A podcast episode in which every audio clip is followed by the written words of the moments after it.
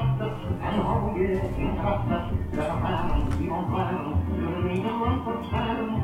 Geen karretjes maar, hou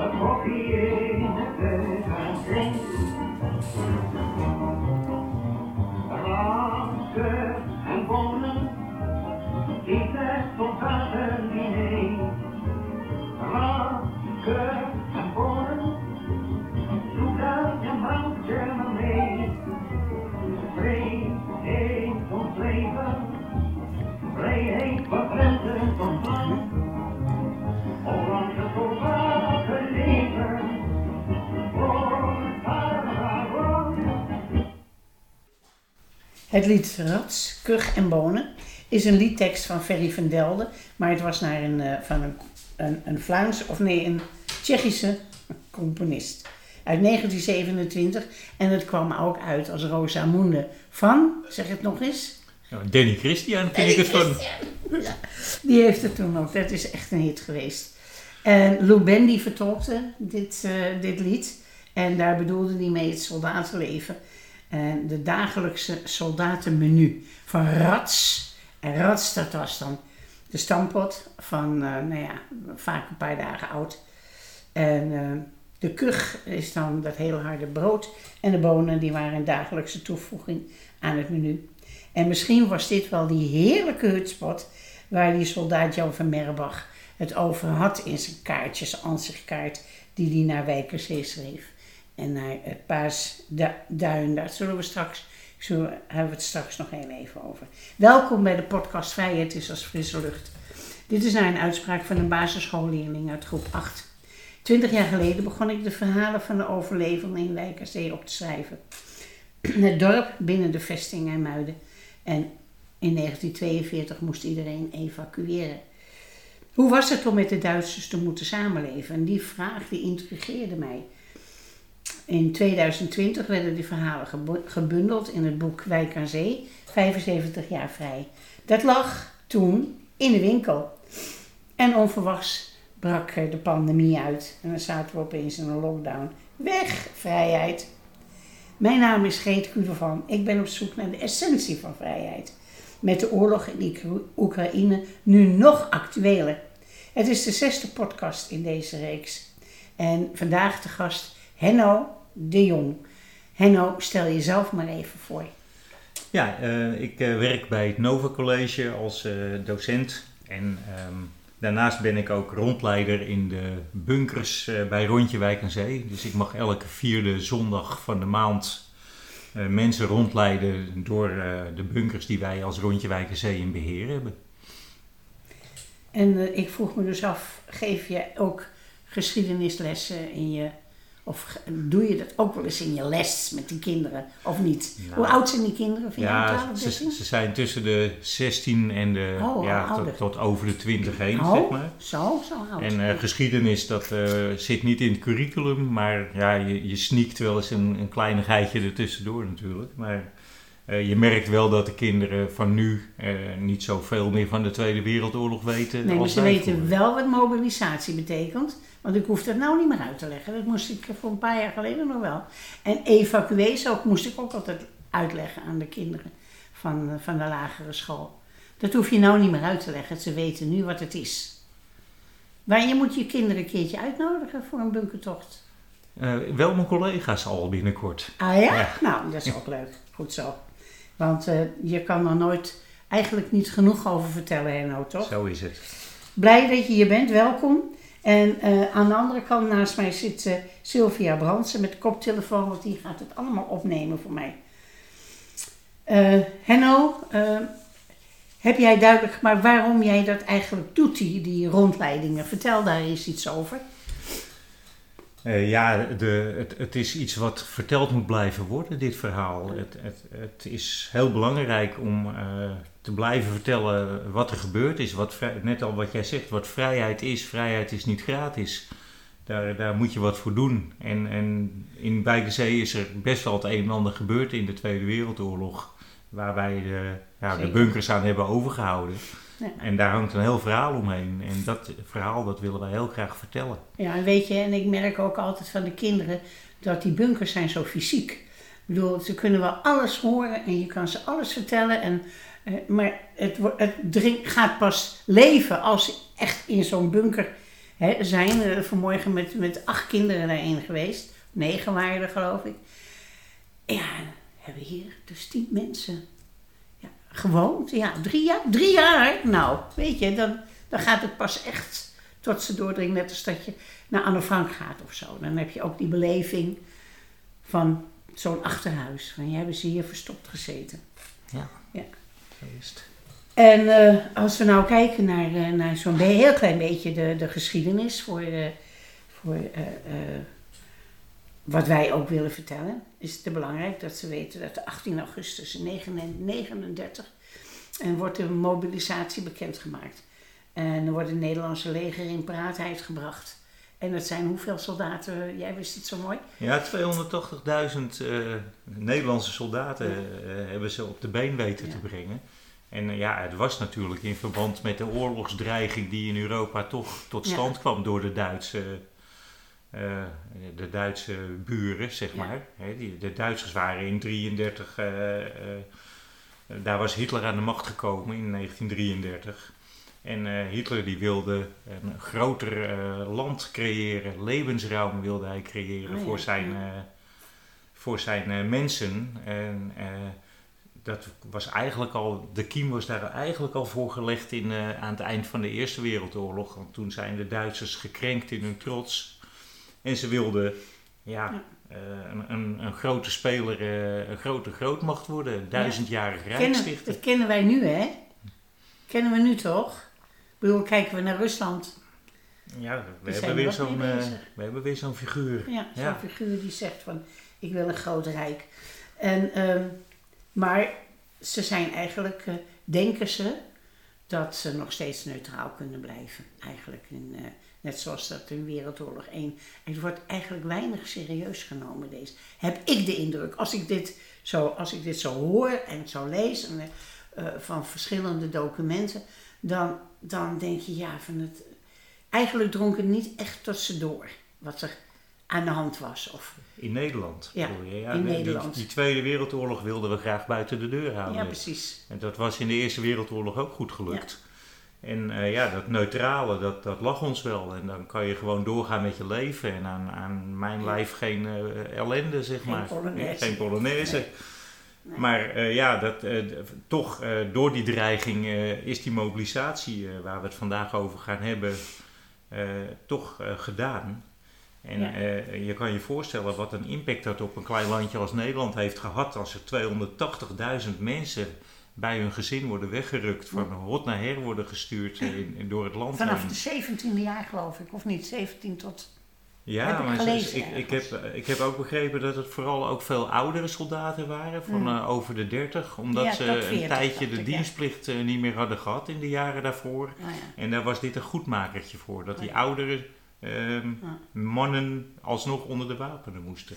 Nou, ik heb hier eh, staan dat er in, in november 39 eh, nog een president de Geer, in, hier in Nederland, nog zegt, en nu kom ik even vertellen, dat er geen enkele grond bestaat, bestaat over geruchten over met onrust, die, eh, met eh, eh, dreigend gevaar voor ons land.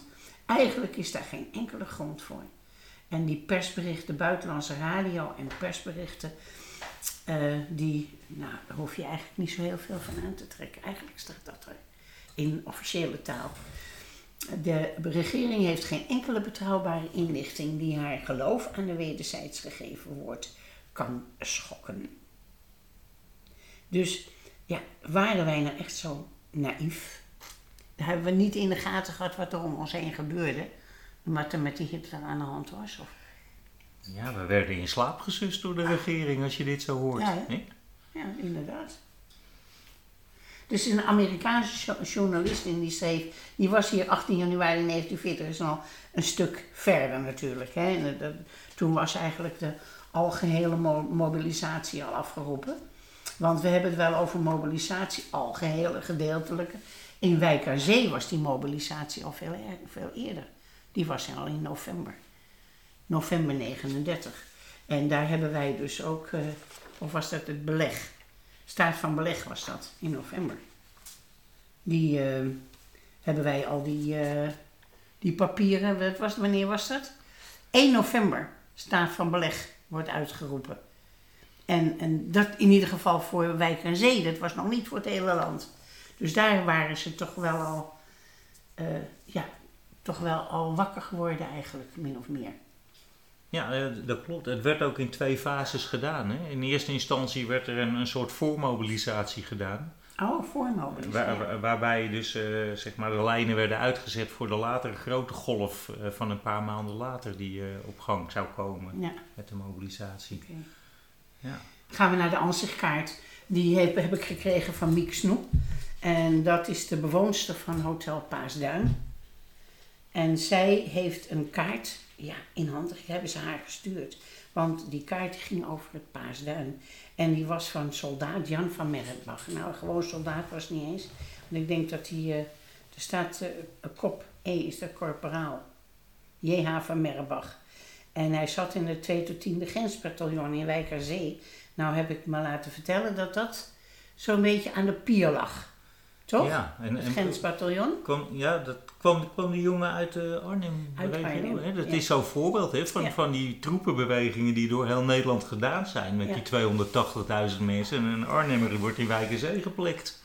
En nou was het ook nog zo fijn dat er in Wijk aan Zee zo ontzettend veel eh, hotels allemaal leeg stonden. Want er was natuurlijk crisis. Dus die, al die toeristen, die rijke toeristen, die, die, zijn die kwamen niet. Denk ik. Dus die hotels, de meeste hotels stonden gewoon leeg. En dat is handig als je soldaten wil onderbrengen. Dus zij werden ondergebracht in Hotel Paasduin. Groot hotel, was een heel mooi hotel trouwens ook. En dan schrijft hij. Wat schrijft hij? Ja, Ja. hij zegt de beste familie. Hierop ziet u het huis waar wij nu ingekwartierd zijn. Vandaag hebben we het weer reuze goed gehad. De hutspot was uitstekend. Daar is die hutspot weer. Dus dit is voor de, de rats. In de hele omtrek is er geen garnizoen te vinden waar je het zo goed hebt als wij. Vanavond zijn we met een grote vrachtauto naar Beverwijk geweest. Naar een gloednieuw badhuis met radio. Reusachtig, hè? De brief en de couranten in dank ontvangen. Ik, u hoeft u niet bezorgd over mij te maken, want het is net alsof ik met vakantie ben. En ik voer de hele dag geen klap uit. Bij de pijlen op de voorkant, op de kaart staan eh, pijlen getekend, eh, is onze kamer eh, te zien. Hè, dus hij had een pijltje bij het raam, het slaapkamerraam, getekend aan de voorkant van de ansichtkaart die hij naar huis stuurde. Veel liefs, Jan. Nou ja, goed. Ja. Het, hu- het thuisfront was natuurlijk bezorgd. Die dacht van, eh, mijn jongen moet straks misschien wel gaan vechten. Maar er was niks aan de hand, zei hij. En ik heb begrepen dat ook de Franse legertop, er is, is daar ook een uitspraak van. Die zei van, eh, die Nederlandse soldaten, nou die gedragen zich als een klas op schoolreisje. Eigenlijk klinkt dat hier nog wel een beetje uit. Maar er was ook een Amerikaanse journalist, die William Shirer heet hij. En die was op 18 januari 1940, dus al wat later. Was het voor of na eh eh, Bernard kwam? Die was, nee, Bernard kwam pas in april. Dit, dit was voordat eh, Bernard kwam. En hij schrijft, die Hollanders genieten... Ja, toch? Januari 1940, 23 januari kwam Oh, hij 23, ja. Deze is van 40, 18... hè? Oh ja, ja, van 1940. Dit, dit eh, stuk, dit, dit, wat hij schreef van die journalist, dat is uit 18 januari, dus net ervoor. En die Hollanders die eh, genieten van het leven, ze zijn blind, volkomen blind voor het gevaar dat ze bedreigt. We hebben ze erop getracht om erop te wijzen, zonder succes naar ik vrees. De Hollanders willen van twee walletjes eten, zoals iedereen. Ze willen vrede en een gemakkelijk leven, zonder zich de opoffering te getroosten die daarvoor nodig zijn. Naar ik begrijp, weigert de koningin halstarrig, ja, elk militair overleg met de geallieerden. Dus hij was ook nog een beetje in zijn wiek geschoten.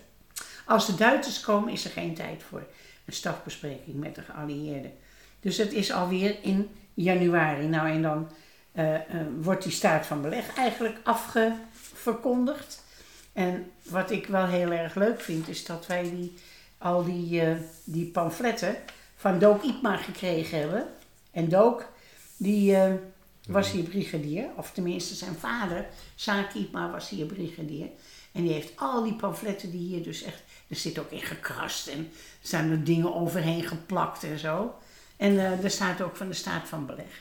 Maar dat is op 1 november. Wordt in Wijk en Zee de staat van beleg af. En die heeft al die originele pamfletten bewaard. Daar zijn we zo blij mee, eigenlijk. Maar ja, toch een, pas een half jaar later, op 19 april, dat is dan die tweede lichting waar jij het over hebt, 1940. En er wordt via de radio staat van beleg voor het hele land afgekondigd. En dat wordt gedaan door diezelfde minister Vergeer. Die zei eerst van jij, eh, ga maar lekker slapen. Is niks aan de hand, toch? Het is bijzonder. hè? Is bijzonder. Nou, en Bernhard, die was natuurlijk best wel. Bernhard is hier geweest. Eh, er, is ook, er zijn twee foto's van, van Bernhard. Dat hij op het Julianenplein, of, of dat twee verschillende bezoekers zijn geweest. Maar jij hebt gevonden dat hij twee keer is geweest, hè? Oh nee, Wilhelmina Nou, is eerst eh, geweest. Je, je vertelde over Bernard, maar Ja. Wilhelmina was er eerder. Die was er maar. eerder. Die is eerder in Wijkenzee geweest, Zijn ook moeder. om de verdedigingswerken te inspecteren. En Wilhelmina was toen koningin, hè? ja, was nog, wanneer, is zij, wanneer is zij afgetreden? Want dat was pas na de oorlog, 48. poeh. 48, denk ik. Dus dat, maar eh, weten ook heel veel mensen niet, hè? Dat Juliana, toen zei Juliana, dat die koningin was, ja. Maar goed, Wil- Prinses. Wilhelmina was dus Ja. eh, zeg maar eerder dan Bernard in Wijkenzee eh, Ja. om de troepen te inspecteren en eh, om te kijken naar de verdedigingswerken. En dan staat er een prachtig artikeltje in de krant van in gezelschap van de militaire autoriteiten heeft Hare Majesteit de Koningin hedenmorgen een kort bezoek gebracht aan Wijk en Zee ter bezichtiging van de aangelegde verdedigingswerken. Het bezoek dat vrijwel onbekend was gebleven, had toch nog veel belangstelling van de zijde der dorpsbewoners. De koningin was uit de richting Alkmaar gekomen en vertrok later naar IJmuiden. En dat is het hele krantenbericht wat erin staat. ja.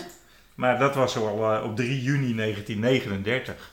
En waar we het over hebben met Bernard is dus... dat is eh, 40. ja, dat is, dat is een half jaar later eigenlijk. Half jaar later, ja. 23 januari 1940 kwam Ja. Bernard. En ja, die was dan commandant van de vesting Holland officieel. Ja, dat- hij- het was zijn mooiste tijd voor zijn leven eigenlijk. Ja. zijn finest hour. Ja, zijn is ouder. Dat is zo belangrijk. Maar hij was hier natuurlijk wel al bekend in Wijkerzee. Want hij kwam hier vaker. Hij, ik weet dat hij vaker bij de kluchten ook kwam en dan kwam hij om te jagen. Dus misschien is hij tussendoor, dacht hij van... Hé, hey, ik heb nog daar een leger liggen, laat ik eens een mooi défilé af, eh, afnemen. Maar vertel eens. Want we hebben daar ook een mooie foto van. Ja, na- naast de foto's eh, heeft er ook een stukje in de krant gestaan in Ja. die tijd natuurlijk. Prins Bernhard te Wijk aan Zee Ja. natuurlijk. Hè, dat, eh, met die mooie archaïsche taal eh, uit die tijd in de kranten.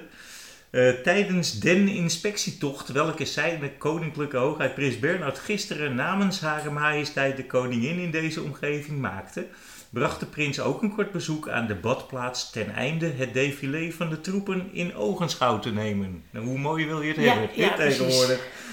Nou, om twee uur stonden de soldaten opgesteld, terwijl de bevolking van Wijk en Zee in grote getalen de koude trotseerde om van deze plechtigheid getuige te zijn. De jeugd van de scholen en de vakantiekolonies liet zich evenmin onbetuigd en was met vlaggetjes getooid naar het Julianaplein getogen. Omstreeks half drie arriveerde de prins met zijn gevolg op het plein waar allereerst de troep werd geïnspecteerd. Hierna werd door de prins voor de prins gedefileerd. Tijdens het korte oponthoud werd de aandacht van de prins nog gevestigd op het monument dat ter gelegenheid van het prinselijke huwelijk op het plein is gesticht. De monumentale vlaggenmast waaraan deze middag de vaderlandse driekleur wapperde. Na afloop vertrok het hoge gezelschap naar Velsen, waar in Velserbeek afscheid werd genomen. Toen mocht die driekleur nog wapperen, denk ik dan gelijk. ja, toen wel, ja. Dat was een paar maanden later gebeurd. Het afgelopen, mocht die, mocht die vlag. En toen heette het Julianaplein ook geen Julianaplein meer. Toen heet het eh, Plein. Plein. Daar hebben ze er lang over nagedacht. Dat is lang over na. Ik vertel dat altijd. eh, Ja. Van, van, ja, er moesten de oranje namen Ja. eh, eruit, zeg maar. En je had ook een Julianenweg in Wijk en Zee. En daar hebben ze lang over nagedacht en dat werd toen de Helmweg. Ja. En eh, ja, die vergadering duurde te lang. Van, hoe- wat moeten we nou met het Julianaplein? Nou, doe maar plein. Zo, zoiets. Ja, precies. Maar weet je, kijk, Wijkerzee was toch een badplaats. Dus in 1880 is dat badhotel eh, gebouwd. En ook de kluchten. Want Bernard en, en eh, die gingen altijd naar de kluchten. Als je, dat is een prachtig hotel natuurlijk, groot hotel. Waar hij laatst nog in 1999 heeft hij daar in Zevenstaal. Eh zijn, is Beatrix dan geweest, zijn dochter. En, wat wou ik vertellen? Dat we dat die, in de, die grote hotels, die, nou, die waren al handig voor al die, al die mobilisatie, voor al die soldaten. Maar hij nam dan meestal hè, de kluchten.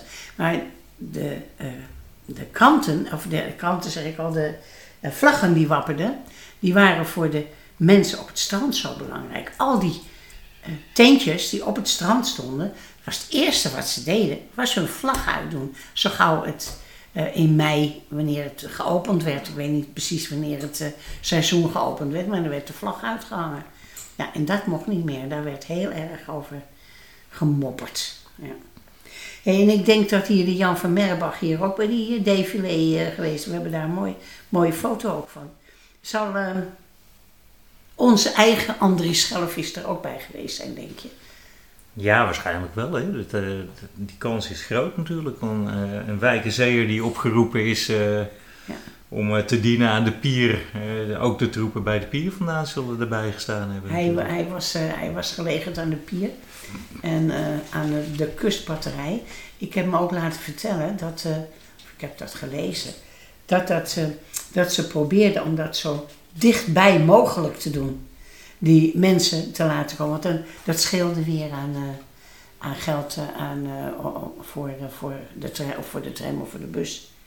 Voerskosten. Als ze een beetje dichtbij waren, konden ze met de fiets heen en weer.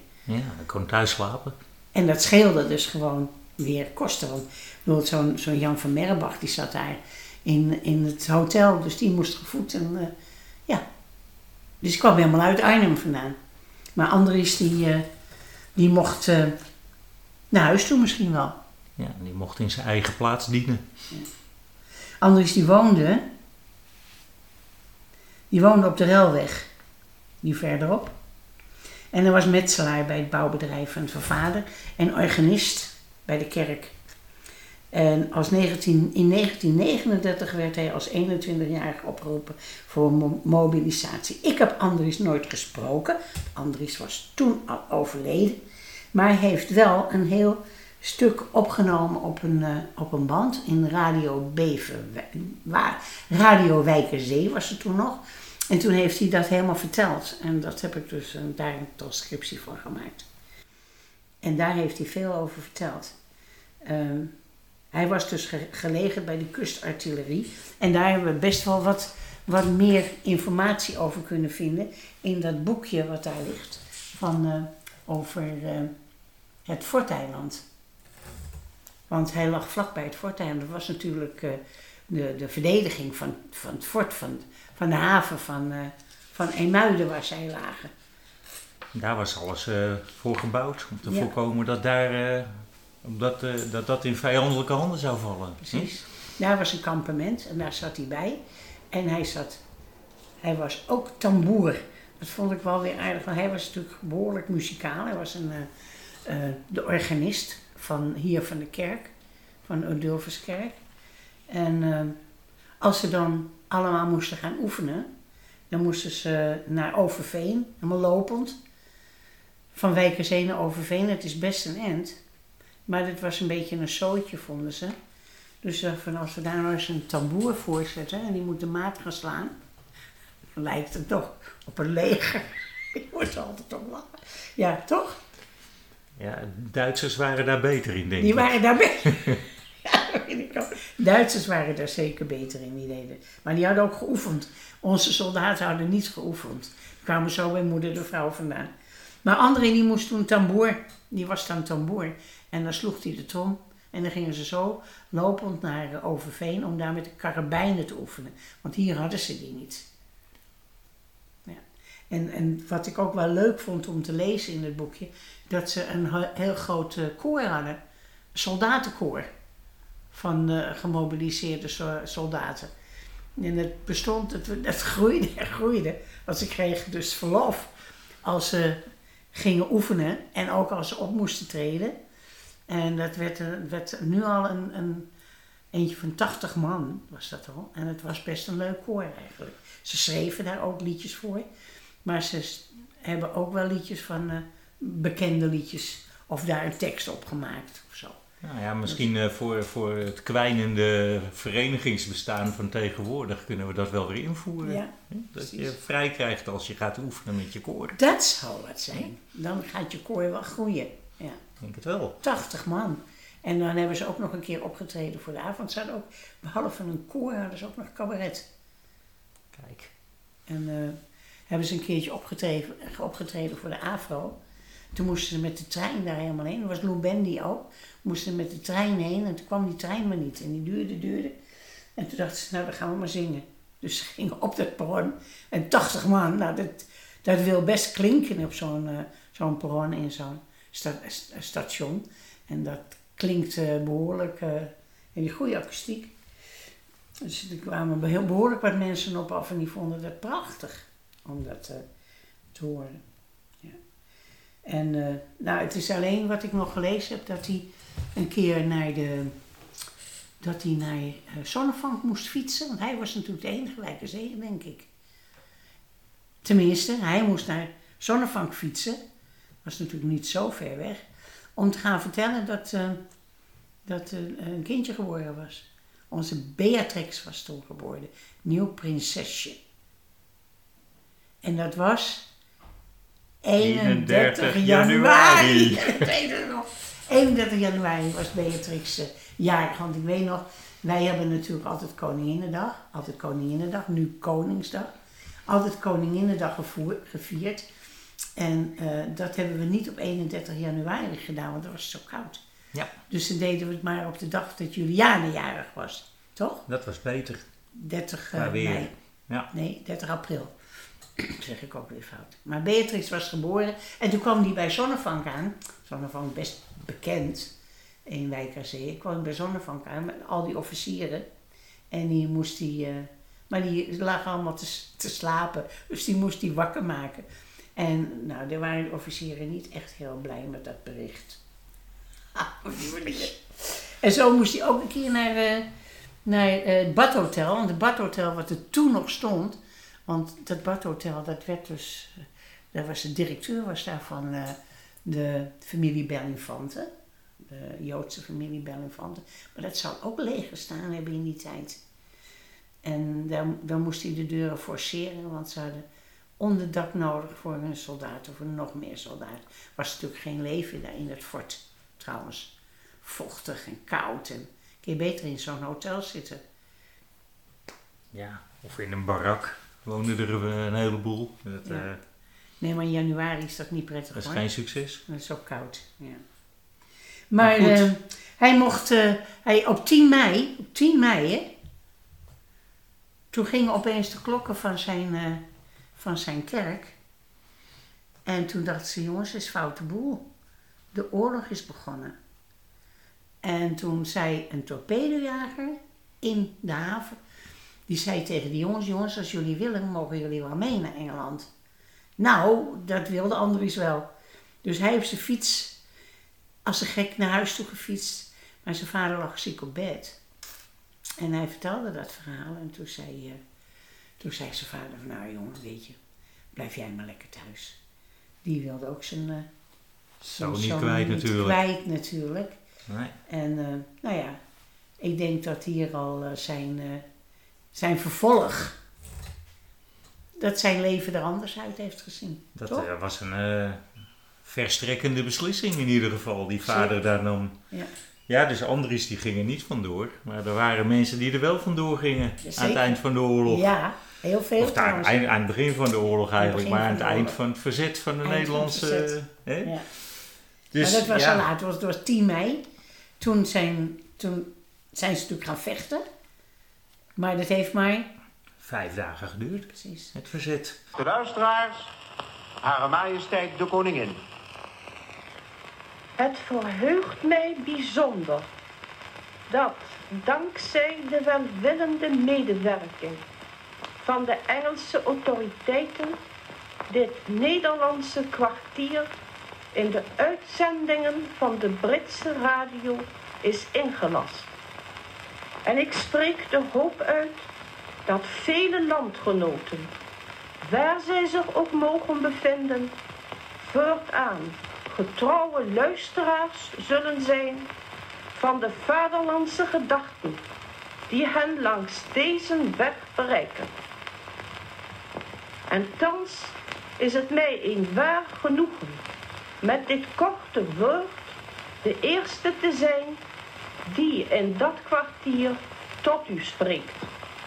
Ik wek mijn landgenoten in het vaderland en overal waar zij zich bevinden op om, hoe donker en moeilijk de tijden ook zijn, te blijven vertrouwen in de eindoverwinning van onze zaak, die niet alleen sterk staat door de kracht van wapenen, maar niet minder door het besef dat het gaat om onze heiligste goederen. Ik heb gezegd.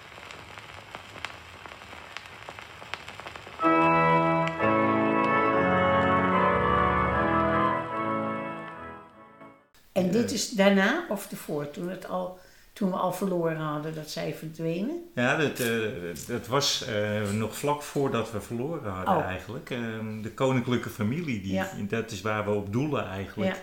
Die zijn op 12 mei eh, om 10 uur door Velsen gereden in een geldtransportwagen richting 12 de. Op 12 Dus mei. eigenlijk nog voordat ze Dus eigenlijk... nog eh, voor de overgave. ja. Maar Hè, ze zagen het Maar ze zagen de bui al hangen en Ja. het was van tevoren ook bekend dat Nederland eh, een aantal dagen weerstand zou kunnen bieden. En dat was het dan ook Ja, wel. ja. We, we, we hadden onze hoop gevestigd op een aantal waterlinies. En dat was leuk in, eh, in de vorige eeuw. Maar eh, in 1940 eh, hield dat niet heel lang stand. Dus dat was, het was duidelijk dat we het niet lang stand zouden houden. En daarom was de, het prinselijke gezin, voordat het schip zou zinken, naar Engeland ontkomen. En dat ging dus ook via de grote sluis in Hermuiden Ja, met een eh, Engelse torpedobootjager. 12 mei. Ja, het was dus eh, drie maanden nadat Bernard hier nog een défilé heeft afgenomen. Ja. Was hij drie maanden later weer hier. eh, Hij had geen zin meer om te jagen hier. Er genoeg gejaagd. Ja, genoeg gejaagd. Hé, maar weet je dat ze zelfs hier de Wijkenmeer wel onder water hebben gezet? Dat was in begin in mei ook, hè? Ja. Hebben ze de, de, hadden ze dus nog wel een stukje waterlinie. Ja. Hé, hey, eh, Andries, die, eh, zijn leven zag er dus anders uit. Want die ging in het verzet. En daar gaan we het volgende keer over hebben. Vind je dat wat? Lijkt me leuk. Leuk hè? Gaan we het over het verzet hebben. Wij eh, gaan nog even luisteren naar, naar de muziek van een lied van Jack van Tol. Jack van Tol. En Jack van Tol die heeft een lied geschreven over heerlijke erwtensoep. Want wie heeft er suiker in de erwtensoep gedaan? Misschien was die dan in ieder geval nog lekker. En ook gezongen door Lou Bendy. En als je nou goed luistert naar het refrein, dan is dat een hele bekende slager uit 66 van de Beatles. Hey. Ja. Nou, fijn. De Yellow Submarine. Zullen we hem even aanzetten?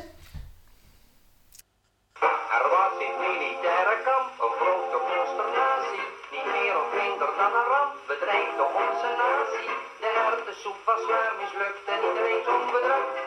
Wie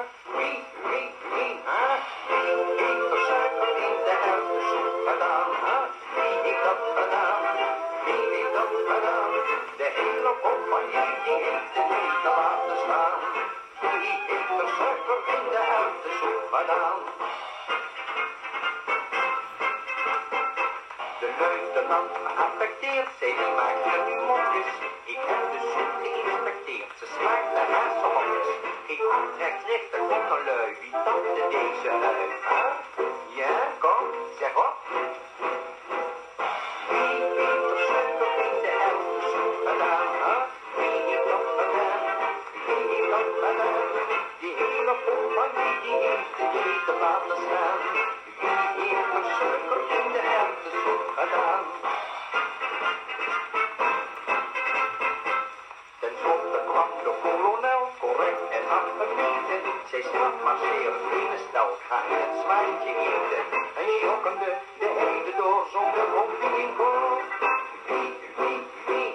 Bedankt eh, Henno voor eh, jouw eh, bijdrage. Bedankt Sylvia voor het opnemen.